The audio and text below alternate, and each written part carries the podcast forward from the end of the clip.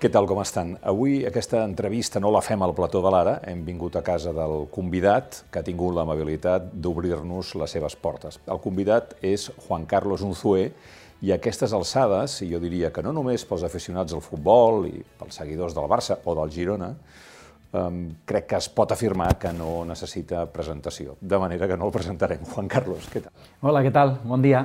Bon dia, moltes gràcies per haver-nos obert les portes de casa teva. Un placer. Què has fet aquest matí? Pues eh, uh, primero disfrutar de, sentir que, despertaba otra vez y que tenía la posibilidad de disfrutar del hoy. Y posteriormente lo primero que suelo hacer es eh, contestar ya algunos mensajes que o bien se han quedado sin contestar de, de, la última hora de la noche o ya los más madrugadores me han enviado. ¿no? Entonces, bueno, ponerme un poco al día, ¿no?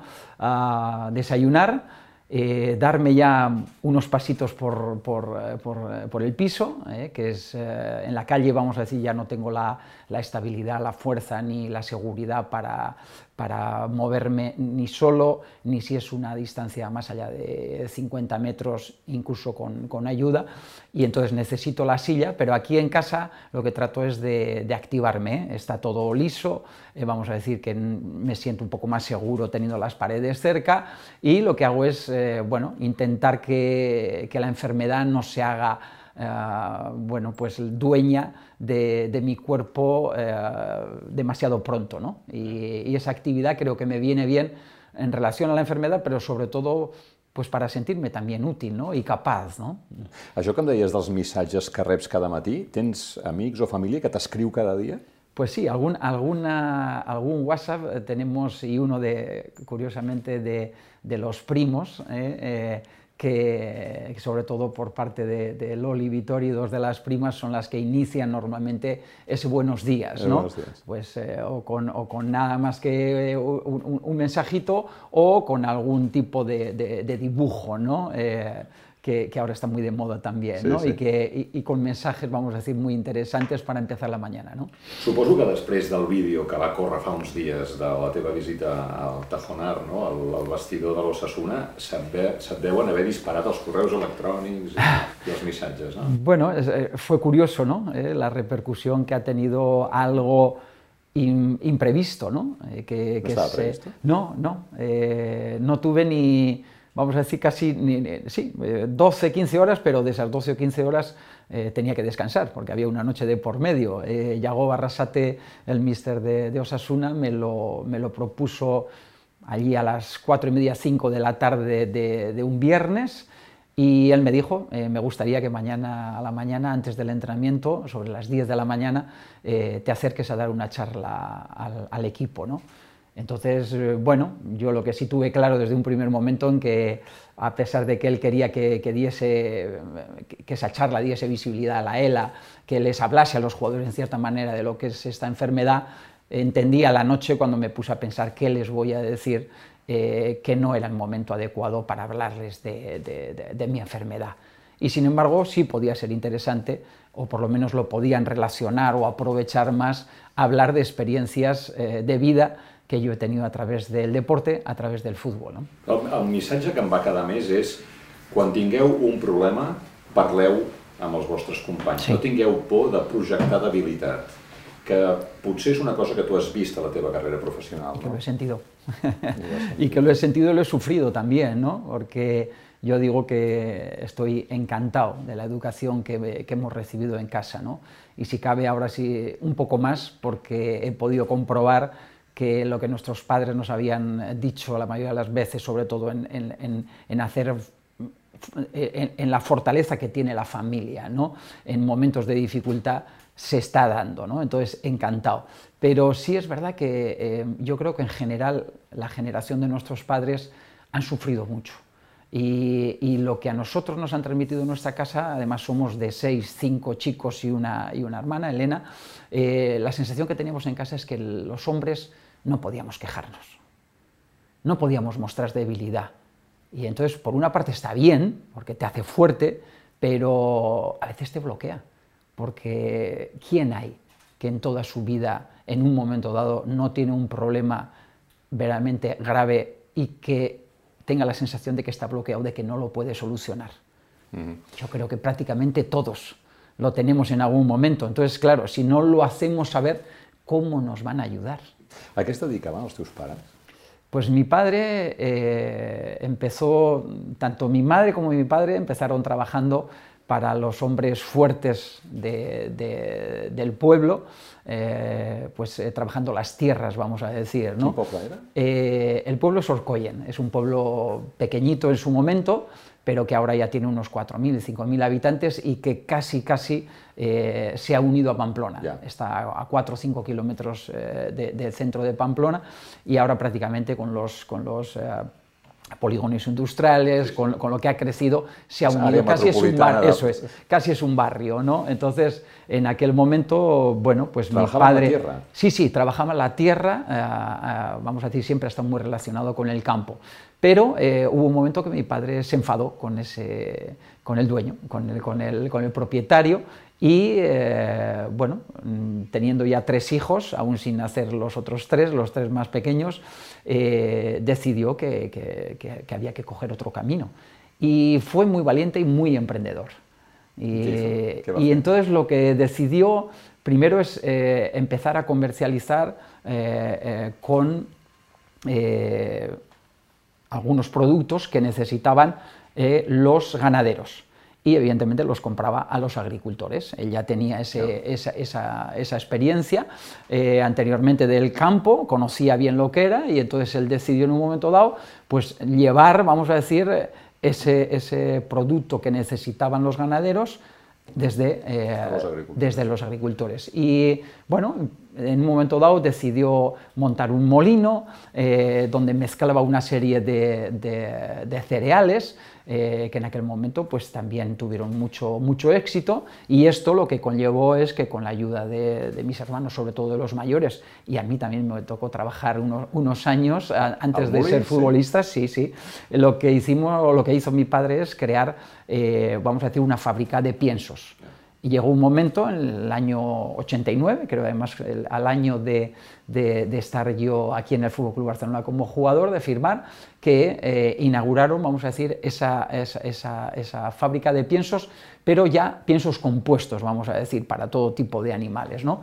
Y ha sido una empresa que, familiar, eh, en la que han trabajado y la que hemos trabajado en un momento dado todos los hermanos, y que en un momento dado la han mantenido, eh, cuatro de ellos sobre todo, porque mi hermano Eusebio, como sabéis, eh, dedicaba al ciclismo, yo me dedicaba al fútbol y tuvimos esa, esa suerte o esa fortuna. No?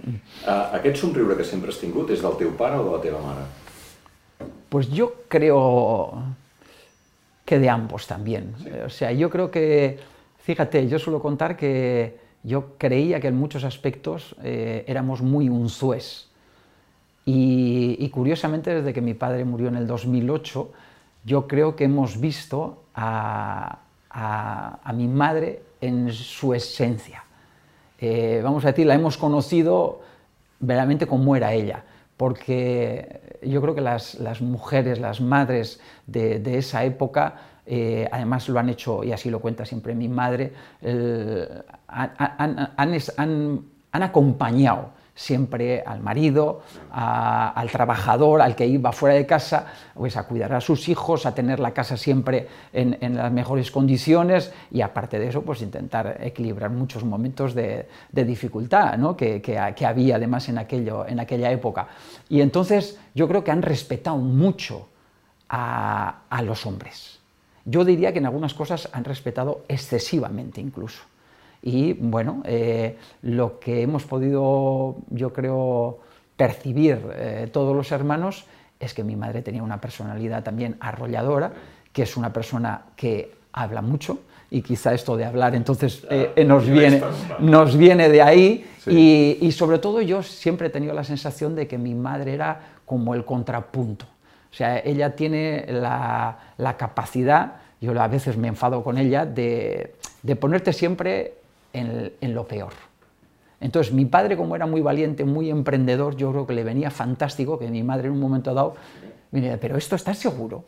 Entonces, yo creo que le hacía reflexionar y yo creo que muchas veces, o la mayoría de ellas, le ayudaba a, ir con más decisión a mi padre a tomar eh, o, a tirar adelante esos proyectos que él tenía en la cabeza. ¿no? Entonces, creo que ha sido en ese sentido una pareja fantástica que se han, eh, que se han equilibrado, ¿no? y sobre todo lo ha equilibrado mi madre. ¿Te recuerdas cuando tenías 21 años y ibas fichar para el Barça? ¿Cómo eras? Pues eh, sí, pues yo creo que era pues... ¿Era un crío? Un crío, un crío, una sensación de, de, un chico que, ha tenido la fortuna casi sin darse cuenta en, el proceso de, en este caso, de, seis años, de, pasar de jugar en el colegio a, firmar por el Fútbol Club Barcelona. ¿no? Entonces, la sensación cuando yo llegué a Barcelona es que qué grande es esto, ¿no? Yo no había salido de Pamplona como quien dice, ¿no? exceptuando los cuatro viajes con, con Osasuna ¿eh? para jugar partidos de liga. Y, realmente mm, yo creo que el fútbol y, ese primer fichaje por el Barcelona y, el montón de ciudades que hemos, que hemos podido, eh, eh, que hemos vivido y que hemos podido conocer posteriormente, tanto, tanto mi mujer y yo como después mis hijos, yo creo que lo que me ha dado la posibilidad es de tener una mente mucho más abierta de sentirme una persona mucho más capaz, no en lo futbolístico exclusivamente, sino en lo personal. A la vida. En aquella època, quan eh, Juan Carlos Unzué va fitxar pel Barça, eh, servidor feia informació esportiva que, amb en Joaquim Maria Puyal, i per tant recordo bé quan es va incorporar a l'equip, era el suplent del porter de la selecció espanyola, o sigui que en certa manera ell sabia que ho tenia molt difícil per ser titular, no? Eh, però, és clar, la, la suplència desgasta, la banqueta eh, desgasta. I, en canvi, jo els puc assegurar que la imatge que retinc d'un és exactament la mateixa que vostès estan veient en aquests moments, és a dir, la d'una persona que somreia, encara que m'imagino, com es diu en castellà, que la, la procesión iba por dentro. Sí, en aquellos momentos eh, sí. Sí, ahora hay gente que me dice también, ¿no? Dices, eh, bueno, en tu situación muestras esa sonrisa, muestras un mensaje optimista, pero seguro que tendrás tus momentos malos. Pues ahora les puedo decir a todas esas personas que, que no he tenido un día, vamos a decir, de bajón desde el día del diagnóstico. Os lo digo con toda sinceridad, de la misma eh, manera que os digo que en aquellos momentos esa sonrisa estaba ahí, porque, porque va, en, vamos, va de serie, pero sí sufría, sí sufría y a veces no entendía incluso a Johan, a Johan, porque eh, me apretaba y me apretaba de una manera que yo incluso en algún momento sentía que era una falta de respeto. ¿Qué te hacía? Pues exigirme mucho. Y yo creo que él quizá, porque yo mostraba esa sonrisa, quizá él sentía que yo ya estaba, ya me conformaba con estar en el Fútbol Club Barcelona, con 21 años, un, contrato de, de, 8 años, de, 8 temporadas por delante, como que ya tenía la, vida resuelta, ¿no? Y no, en aquel momento, vamos a decir, la sonrisa estaba, vuelvo a repetir, pero sufría mucho. Y yo suelo contar que hay un detalle que a mí me ayudó a tomar la decisión de, hacerle saber a los dirigentes que eh, tenía que buscar otro sitio que aquí hubo un momento en que yo veía que era imposible llegar en aquellos momentos a la altura de Andoni y eh, tenía que buscar un sitio donde tuviese más opciones de, jugar. Y me di cuenta eh, en aquella época, ahora eh, cuando contamos estas cosas nos damos cuenta de, que nos vamos haciendo mayores. ¿no? En aquella época, a la gente que, ahora ve el fútbol, a los chicos jóvenes sobre todo, les diría que, vamos a decir, se televisaba un partido de, la jornada y el resto de los resúmenes los veíamos en el estudio estadio. Entonces, claro, yo cuando a mí me encantaba ver el estudio estadio desde muy crío, entonces, claro, cuando empecé a sentir que prefería pagar la televisión y no ver el estudio estadio es cuando yo me preocupé, porque lo que me di cuenta es que no lo hacía porque no me veía. Entonces, claro, por una parte la gente podía pensar, estás en el Fútbol Barcelona con 21, 22 años, lo tienes absolutamente todo, y yo no era feliz. Yo no era feliz. Y no era feliz justamente porque no jugaba. Entonces eh, traté y, traté de, convencerles de que yo necesitaba otro espacio en aquel momento y, bueno, me dieron la posibilidad de encontrar. ¿eh? Es verdad que en paz descanse Luis Cuervas, el presidente del Sevilla, ya había hecho una intentona antes de venir al Fútbol Club Barcelona y al final apareció allí un, canje, si os acordáis, una doble cesión entrenando y yo, que cada uno cambiamos de equipo y yo la verdad es que reconozco que encontré en Sevilla eh, aparte de, mi tierra ¿no? y del equipo de mi tierra, Osasuna, eh, me encontré como en casa. Realmente me, he sentido muy, muy querido y sobre todo encontré eso que estaba buscando, esa, esa continuidad que además es la que, bajo mi punto de vista, te hace mejorar. Sí, sí, això, això, això és. Uh, no, et deia això del somriure i, i en això perquè amb algun metge especialista en ELA que he parlat em diu escolta, el cas de l'Unzué no és normal. La majoria de malalts s'enfonsen, s'enfaden, diu, alguna vegada han arribat gairebé a agredir el metge que els ha donat el diagnòstic i ho porten molt malament. No sé si ets conscient que, sí. que la teva reacció... Això no és, no és l'habitual, i, i, i, i que, no força que, que deus ¿no? o que tens, vaja. Pues sí, soy consciente de ello, sobre todo porque los doctores eh, me lo han hecho saber también, ¿no? incluso en alguna entrevista, pues tanto el doctor Rojas como, como la doctora Povedano, ¿no? que son la, las dos personas que, que dieron eh, el diagnóstico y la segunda opinión. ¿no? Entonces, eh, soy consciente de ello y evidentemente lo entiendo y como no, pues de otra manera, lo respeto. Porque en el fondo cuando te pones a analizar o a reflexionar, dices, pues quizá es lo más normal, ¿no? Pero yo no sabría deciros que, por qué razón eh, yo no he tenido ese, ese, mal momento, no he tenido esos pensamientos, vamos a decir, negativos, ni incluso el día del diagnóstico. ¿no? Yo siempre cuento que eh, yo he hecho lo mismo el día antes del diagnóstico que el, que el día posterior. Y es seguir siendo eh, tal como era, ¿no? Y sí es verdad que posiblemente eh, mi forma de ser viene muy condicionada por el tipo de vida que yo he llevado. Y entonces eh, yo a la gente muchas veces damos la sensación, los, los, deportistas profesionales, los futbolistas en este caso, que lo nuestro es idílico, ¿no? Y que, bueno, pues eso has convertido tu hobby en tu profesión, todo es fantástico, ganas dinero, todo, ¿no? Eh, y, y, yo les creo que muchas veces por no mostrar esa debilidad, la gente nos tiene idealizados, porque al final somos personas y yo creo que además tenemos algo que, eh, que lo dificulta en un momento dado, pero que si somos capaces de superarlo eh, nos vale mucho para el resto de nuestra vida, y es que el deporte nos da la posibilidad de crecer, pero de crecer siendo muy jóvenes. Yeah. No, i a més a més t'entrenen la competitivitat. Jo no sé si tens la impressió que estàs competint contra la malaltia.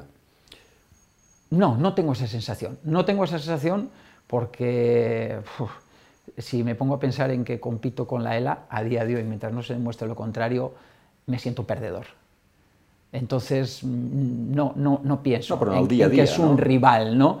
En que es un rival, eh, no como en la época que, que, tú te sentías fuerte y, te podías enfrentar a un rival que era muy fuerte, pero tú también te sentías que estabas en tu, en tu máxima, eh, eh, bueno, pues capacidad, ¿no?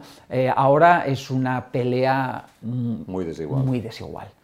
que, vuelvo a repetir, hasta ahora nadie ha podido ganar, ¿no? Entonces, más que pelear con ella, yo lo que, lo que trato es de convivir con ella, de convivir con ella de la mejor manera y, conviviendo con ella yo creo que tengo la posibilidad pues, de, jugar estas cartas que tengo que no son buenas, pero de la mejor forma posible. No? Una vegada el Pep Guardiola em va dir que una de les coses que trobava a faltar quan era jugador és que els entrenadors els hi diguessin mira, en el partit demà et trobaràs amb aquest, amb aquesta circumstància, amb aquest jugador i tal. Diu, perquè sorties al camp i passaven coses i deies, ostres, això no ho, no ho havien explicat. I que ell s'ha esforçat molt a que el jugador, diguéssim, no tingui sorpreses. Um, jo crec que justament ara saps uh, què és el que et pot anar passant i això també et deu ajudar. Pues sí, sí, sí. Sobre todo me ayuda eh, a centrarme en el aquí y en disfrutar de hoy, como te decía al inicio de la entrevista, ¿no? Porque si en algún momento dado me viene el pensamiento de pensar en un futuro, ese futuro es negro, es muy complicado. Entonces, de, casi de forma automática, es como que de, me devuelve a esta silla eh, y a disfrutar I per tant, clar, per tant, quan de esta entrevista. Com estàs? Bueno, ya lo ves. así es, así es. ¿eh? Pero bueno, también es verdad que a mí me gusta. O sea, muchas veces ¿no? que, la gente me pregunta cómo estás, aunque sea evidente, ¿no? Eh, y, en el fondo lo sepan. Yo lo veo siempre desde el punto de vista de que se están ocupando un poco de ti y que te están mostrando con, esa, con ocuparte de ti eh, cariño y respeto. No? Encara que fiquin la pota, aunque metan la pata? No, sí, Ho dic perquè l'altre dia vaig trobar, eh, bueno, vaig, vaig trobar, no, vaig anar a buscar eh, coses que no has de dir un malalt d'ELA. Vaig trobar, diu, el meu oncle també va tenir ELA i va durar 4 anys. Un altre, ets un heroi.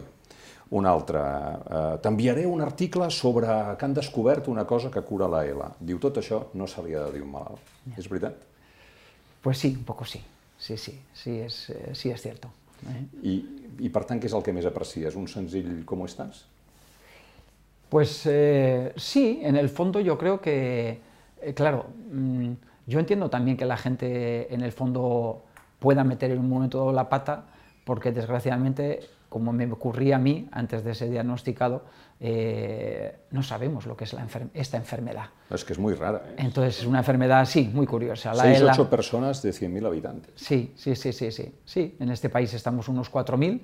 Es cierto que, que no somos los mismos siempre, ¿eh? porque como sabéis esta es una enfermedad que tiene una esperanza de vida media entre 3 y 5 años, que cada día perdemos a tres compañeros y se nos unen tres nuevos. ¿no? Entonces, eh, nadie está, vamos a decir, libre de, eh, en un momento dado, ser diagnosticado. Entonces, yo creo que entre todos, y ese es mi objetivo, eh, tenemos que informar a la gente de lo que es. Y eso lo podemos hacer a través vuestra. Y en eso os tengo que estar muy agradecidos en general a todos los medios, porque eh, ya no es que solamente me estáis dando a mí una posibilidad de explicar lo que, lo que es la ELA, sino que también hay espacio para que lo expliquen doctores, para que lo expliquen otros pacientes, para que en el fondo sea algo que no es invisible, que sea algo conocido y que la gente en un momento dado esté concienciada con, con, eh, con, lo que es la enfermedad. ¿no? Y de esta manera pues es posible, como hay tantas necesidades, que nos echen una mano también. ¿Para qué, para qué me os voy a engañar? Esa és, esa és la, la realitat. Segur, segur, perquè, a més a més, tu en el teu cas, tu tens un entorn familiar estable. Sí. M'imagino que tens una posició econòmica desfogada. No tothom encara la ELA amb la mateixa tranquil·litat que tu. No, pues eh, se habla de un 94-95% de afectados de la ELA que tienen problemas para poder mantener la enfermedad. Es que esta es Mantener, una... vols dir, un, sí, sí. un fisio, un psicólogo... Claro, un... cuidadores, eh, eh, es que hay muchos gastos. Hay muchos gastos y muy pocas ayudas. Y, y entonces ahí viene el, el, uno de los grandes problemas. ¿no? Y yo creo que el, el, motivo por el cual yo mm, sigo fuerte y es eh, hacerle saber a la gente que no podemos permitir en el 2021 en un país como España que eh, muera o se deje ir una persona porque siente que es un peso eh, inaccesible o excesivamente fuerte económicamente para su familia. Entonces, sobre todo cuando tenemos problemas, vamos a decir, eh, a la hora de respirar, nosotros tenemos la posibilidad de estabilizar la, la, enfermedad a través de una traqueostomía. Pero claro, cuando te haces una traqueostomía, tú necesitas unos cuidadores. Y claro, no son acompañantes o no deberían ser acompañantes, deberían ser profesionales claro. sanitarios. Y entonces nosotros no tenemos, ni la Seguridad Social se hace cargo de esos cuidadores, ni esos cuidadores están preparados para tratar a un, a un paciente de ELA. Entonces, ¿qué ocurre? Que muchos compañeros en ese momento se dejan ir, por esa razón.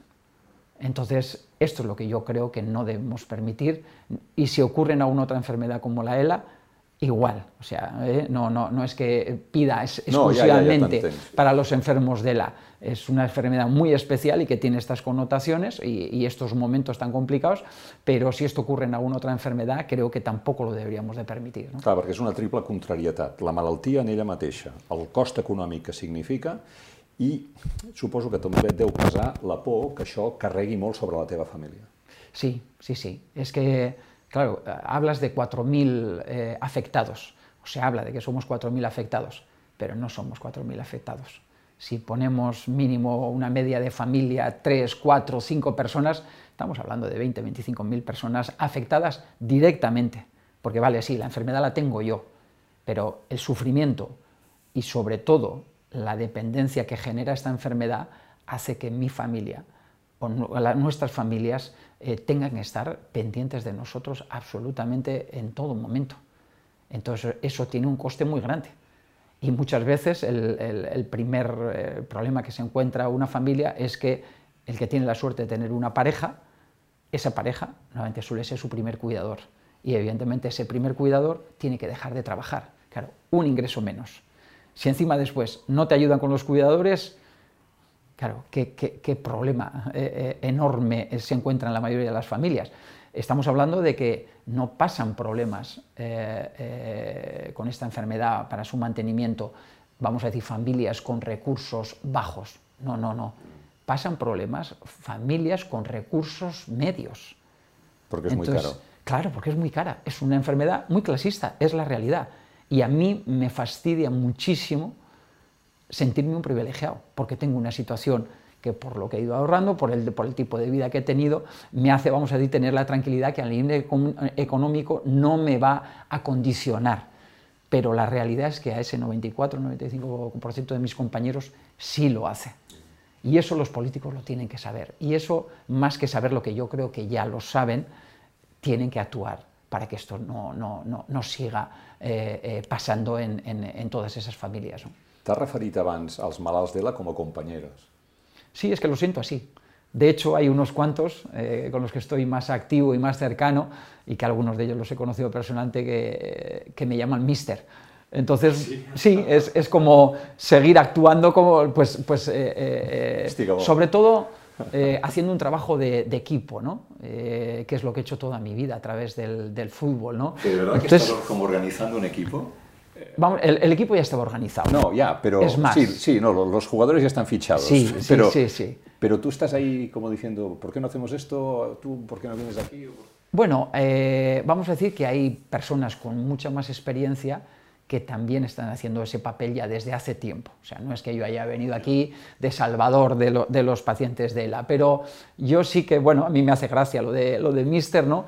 Y, y me gusta mucho tener esta sensación, y si cabe ahora más, por el motivo que, que, que, lo hago, que es uh, el poder ayudar, ¿no? el poder ayudar. Siempre ayudas, porque al final, eh, cuando estás en un equipo también, yo he tratado muchas veces de sumar, independientemente de cuál, sea, de cuál fuera mi rol.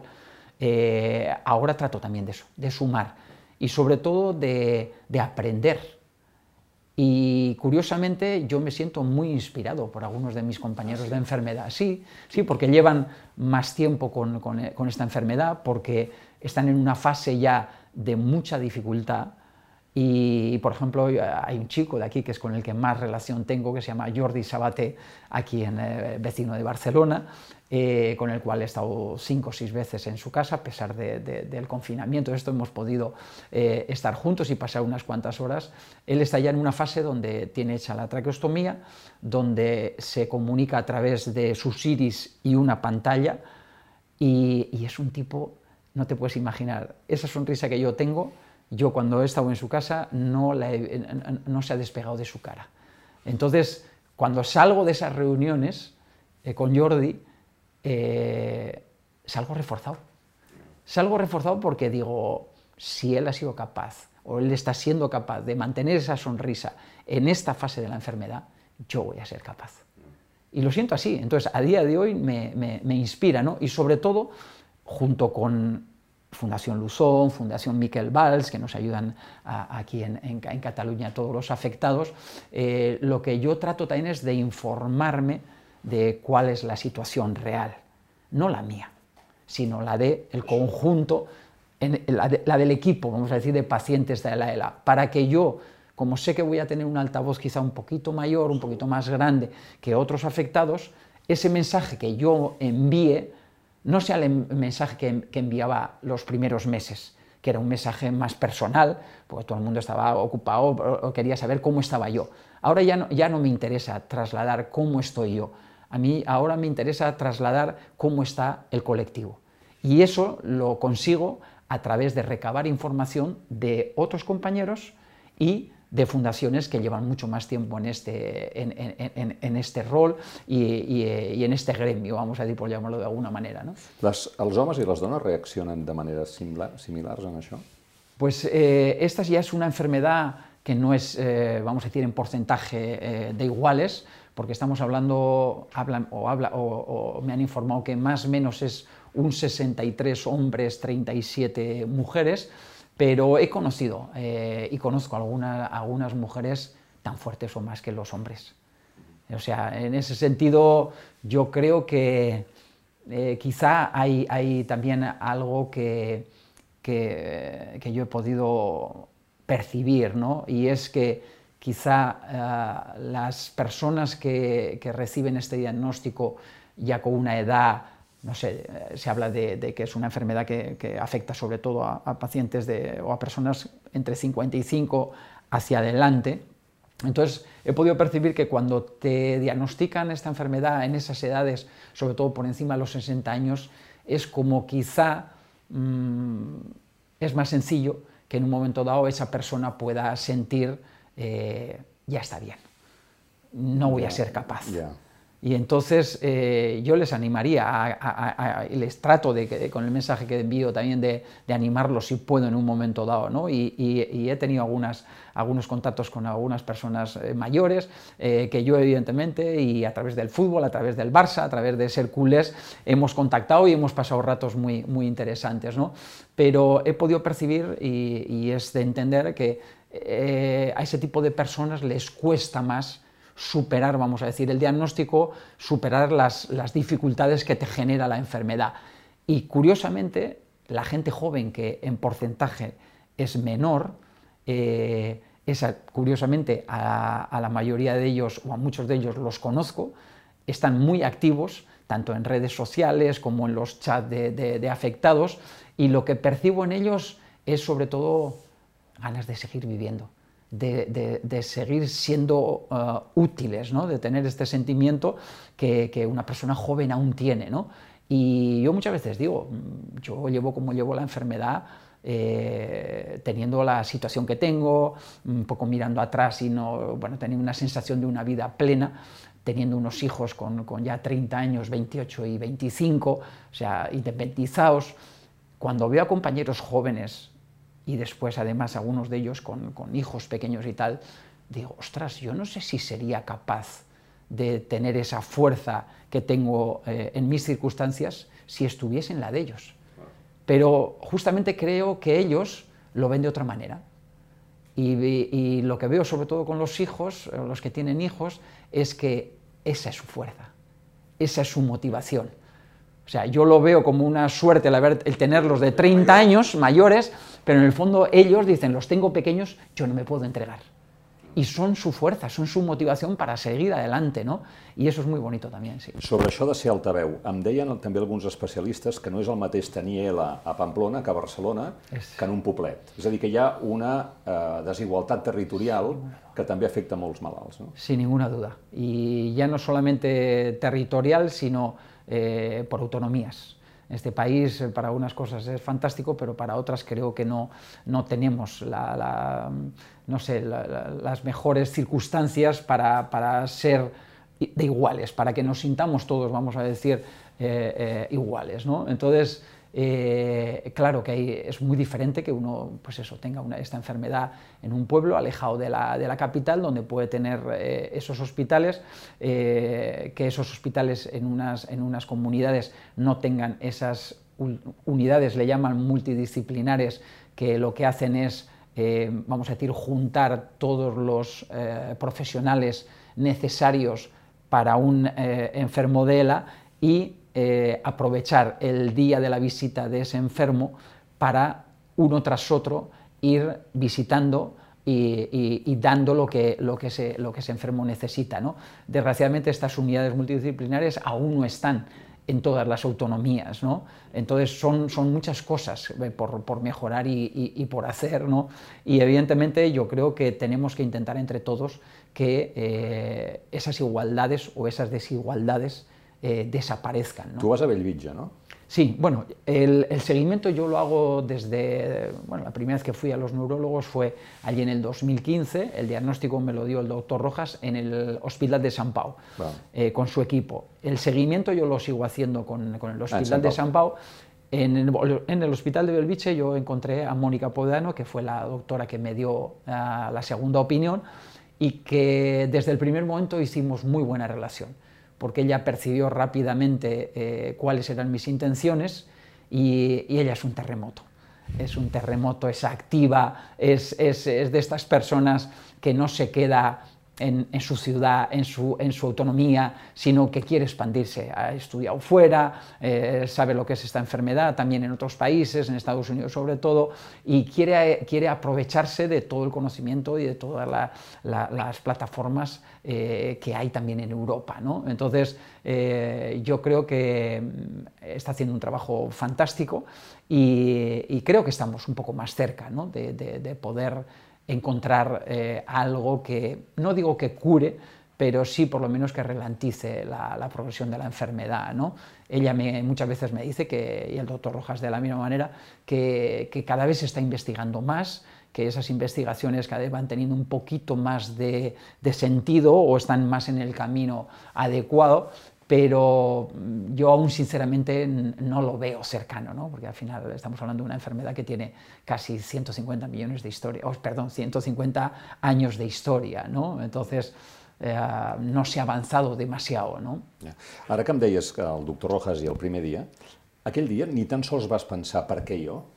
No. I no ho has pensat mai? No. Me lo han preguntado eh, muchas veces. Pero tus compañeros, tus sí, compañeros sí, sí. Hay muchos, sí, sí, sí, sí, sí, Una cosa que le toca 6 8 personas de 11.000, perdón, de 100.000, mmm, es como una lotería al revés, si ¿no? Nunca me había preguntado por qué me tocó ser futbolista profesional y por qué un día me echó el Fútbol Club Barcelona y por qué un día tuve la posibilidad de, de vivir un sextete o dos tripletes Nunca me lo había preguntado y son momentos y, situaciones también que podías haberlo hecho. ¿Y por qué me ha tocado?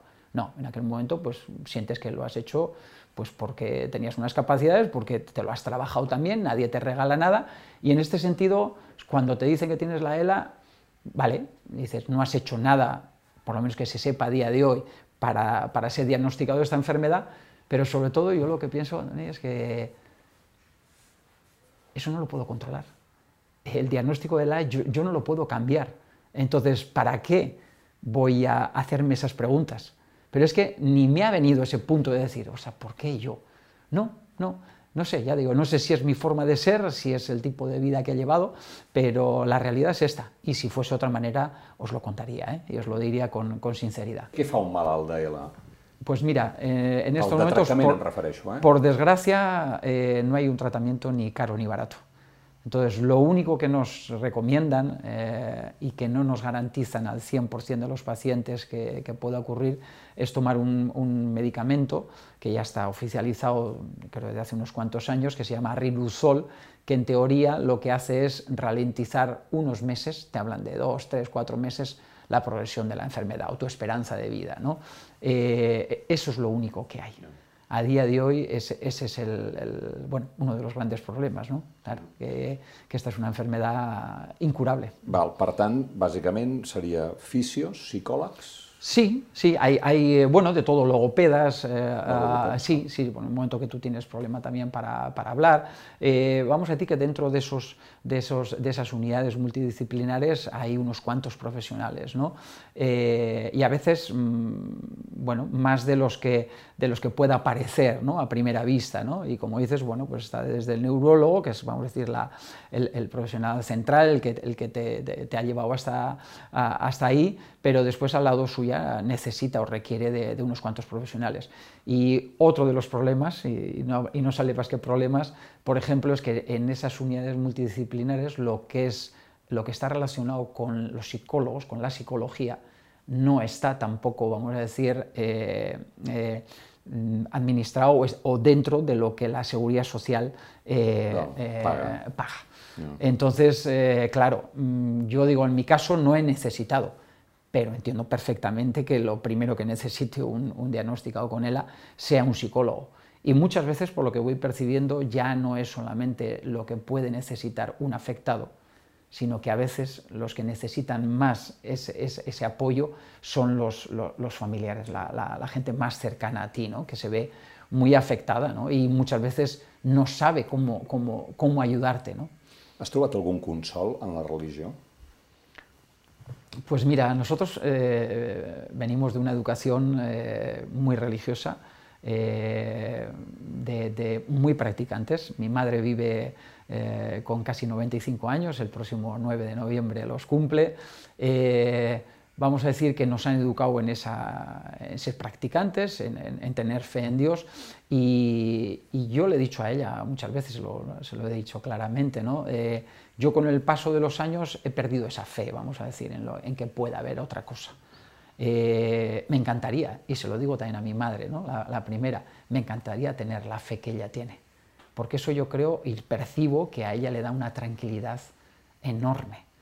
O sea, ella ya siente que va a disfrutar de, lo, que le queda de vida, pero desde hace unos cuantos años ella tiene una tranquilidad eh, que, yo creo que ayuda mucho. Entonces ya me gustaría. Y, ella una vez me ha, hecho saber eh, en qué hemos fallado. Y le digo, en nada vosotros no habéis fallado en nada, vosotros nos habéis dado una educación fantástica. De hecho, algunos de mis hermanos, eh, por no decir todos, siguen siendo practicantes y siguen creyendo en Dios. Y, siguen creyendo en que hay algo más después. ¿no?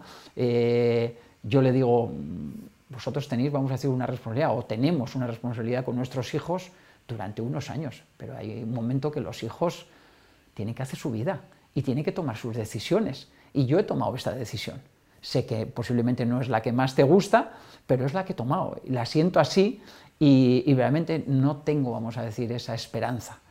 Eh, pero sí creo en otras cosas. ¿En y, cosas? Y creo en, el ser humano. O sea, yo creo que, que, hay, siempre lo digo, hay, hay muchísima más gente en este mundo buena que mala es cierto que los malos hacen mucho ruido y además muchas veces les damos un altavoz eh, excesivo, bajo mi punto de vista. Una gran Pero yo creo que, hay mucha gente buena y lo estoy percibiendo en, este año y pico, si cabe, para corroborar un poco más esa idea que yo ya tenía. Eh, en cuanto uno está informado, se conciencia de algo, es conocedor de algo, eh, te quieren echar una mano. Y es más, yo creo que en el fondo la esencia del ser humano eh, parte, o yo creo que se siente uno bien cuando echa una mano, cuando ayuda, cuando da. Y yo solo he contado en, algún momento eh, una anécdota que me pasó en, la época que yo estaba diagnosticado, pero que aún salía con la bicicleta, con una bicicleta eléctrica, y iba, era eh, justo antes del confinamiento pero ya empezaba la gente pues, a salir a pasear aquí por el Conserola. Y, me acuerdo que iba por un camino y pasé a dos chicas de 14, 15 años, iban jugando con el teléfono, con lo típico, ¿no? de esas edades, de tal, hablando y tal. Yo pasé, evidentemente, normal, nadie. Y, y 100 metros más adelante, como unos 100 metros más adelante, eh, se me encasquilló la, la cadena y me caí. Os podéis imaginar, yo lo, vi, ¿eh? la carrera que se pegaron esas dos chicas hasta llegar a donde yo estaba. Y lo primero, asustadas, que me dijo, ¿te podemos ayudar? ¿Te podemos ayudar? Le digo, sí, sí, me vais a tener que ayudar porque no voy a ser capaz de levantarme del suelo. Así, entonces cogieron, me vinieron, me echaron una mano. Entonces, al final fue como percibir y decir, fíjate, siempre hablamos de los jóvenes, ¿no? esas edades, ¿no? adolescentes y tal, que todos hemos pasado, ¿eh? o la mayoría hemos pasado, y parece que estás en otro mundo, ¿no? Eh, irreal y fuera de, de, de, lo del, día a día. Y vinieron corriendo. y vinieron corriendo. Y les salió de forma natural echarme una mano. Entonces yo por eso sigo pensando, y lo voy a seguir pensando, ¿eh? pase lo que pase, y, tengo muchas frustraciones ¿eh? con muchas personas ¿eh? y sobre todo con los políticos, pero tengo también mucha, ah, ah, no sé cómo, cómo decirlo, eh, satisfacción de haberme encontrado tanta gente cercana y otros muchos no tan cercanos que nos quieren echar una mano. Frustraciones con los políticos, por eso que decías, porque no, no nos, nos ocupan de problemas como el teu. Sí, sí, sí eh, la sensación que tengo es que seguimos siendo invisibles. Entonces se va hablando de lo que es la, enfermedad y yo creo que esto va a ser lo que, lo que nos dé la posibilidad posiblemente de que algo cambie, pero veo que ellos aún no, no, no, no sienten que, que, somos importantes. No sé si por el número, no sé si, cuál es la razón exactamente, ellos la, la deberían de, de, explicar, ¿no? Porque en, esta enfermedad creo que hay un problema de base eh, que debería de cambiar. Y es que eh, a nosotros, cuando nos diagnostican, nos derivan automáticamente, como pasamos la enfermedad en el domicilio, a servicios sociales. Claro, y servicios sociales, primero que tiene un montón de situaciones para, para, solucionar, yo creo que no tiene ni la capacidad ni incluso el presupuesto. No tiene el presupuesto de sanidad, seguro. Y estamos hablando de un presupuesto que, que no vamos a romper la caja fuerte ¿eh? de, los presupuestos, porque al final... Para ti es mucho, pero globalmente claro, tampoco ni Claro, entonces el primer problema que nos encontramos es que nosotros somos enfermos y necesitamos de cuidados sanitarios incluso digo yo, con otras enfermedades eh, neurodegenerativas, como un Alzheimer, vamos a decir que en un momento dado tú tienes un Alzheimer, tú, eh, con que te acompañe una persona, ya estás tranquilo, ya, ya, todos estamos bien, ¿no? Pero en el caso de la ELA, y sobre todo en fases más adelantadas, y sobre todo cuando te hacen una P, cuando te hacen ya esa traqueostomía, tú necesitas cuidadores, no acompañantes cuidadores profesionales que sepan realmente cómo manejar una traqueostomía, porque en un momento dado tú estás pendiente de un, respirador. Entonces necesitas a alguien que en un momento dado no se ponga nervioso, que conozca exactamente cuáles son las necesidades que tiene esa persona. Y eso no lo tenemos. Y no se hace cargo la seguridad social. Entonces yo creo que el, el primer cambio que debería ir posiblemente debería ser este. Es que a nosotros se haga cargo la sanidad. Esa sanidad pública, que además yo el primero eh, estamos orgullosos de la que tenemos en nuestro país. Y cuando te hablan otras personas y amigos que viven en otros países, aún te das de cuenta de lo que tenemos. Pero claro, nosotros, no, nosotros a la sanidad pública le salimos prácticamente gratis, porque el único coste que tenemos es esas dos operaciones que nos tienen que hacer en un momento dado. El resto lo pasamos en nuestra casa. Nosotros no ocupamos una, una cama de hospital. Per quan arribi aquest moment, eh, una de les coses que ha passat en els últims mesos és que Espanya ha aprovat la llei de l'eutanàsia. ¿Y has pensat o encara no estás en això? Sí, sí, sí, he pensado porque además es, es, un, es, yo creo que es un derecho y mi opinión es que es un derecho eh, que, que, está bien que tengamos para el momento de momentos puntuales, en, en, qué circunstancias, que uno tenga ese derecho a esa muerte digna, ¿no? Pero es que justamente nosotros lo que eh, estamos pidiendo es que antes de decidir tener esa muerte digna, no tengamos que decidir, sea una obligación y sea nuestro derecho tener una vida digna. Y claro, muchas veces yo creo que hay compañeros y, afectados de, esta enfermedad que cuando lo primero que escuchas es que sale la eutanasia, es como que te están casi animando, con las circunstancias que, estamos hablando y los problemas que tiene esta enfermedad, a dar ese paso y dejarte ir. Entonces sí, está muy bien la eutanasia, pero para circunstancias eh, eh, eh, puntuales y sobre todo que, que, que, no esté influenciado, como decíamos antes, porque tú sientas que eres un problema económico. Pero tú no, no esperas encara una decisión. No, no, no, no. A día de hoy siento que, que, no la voy a utilizar, pero saber que está ahí, yo no sé exactamente, sé por cómo están otros compañeros, eh, eh, por lo que voy a pasar. Espero que tarde mucho, pero, pero por lo que voy a pasar. Pero yo no sé exactamente cómo voy a estar y qué voy a sentir en ese momento. Entonces, yo creo que tener ese derecho me parece que es eh, algo que nos puede dar tranquilidad a todos. Y evidentemente esto, esta es mi, mi opinión. Una vida digna. Em sembla que és la millor manera en què podem acabar aquesta entrevista. Pues sí. Juan Carlos, no sé, eh, crec que interpreto el sentit de les persones que ens estan veient si et dic moltes gràcies, que ens tens a la teva disposició, que mm, sempre que necessitis un altaveu, que ja sé que en tens molts, però el de l'ara, amb la seva modèstia o no, està a la teva disposició. Moltes gràcies pel teu somriure i per la lliçó que ens dones.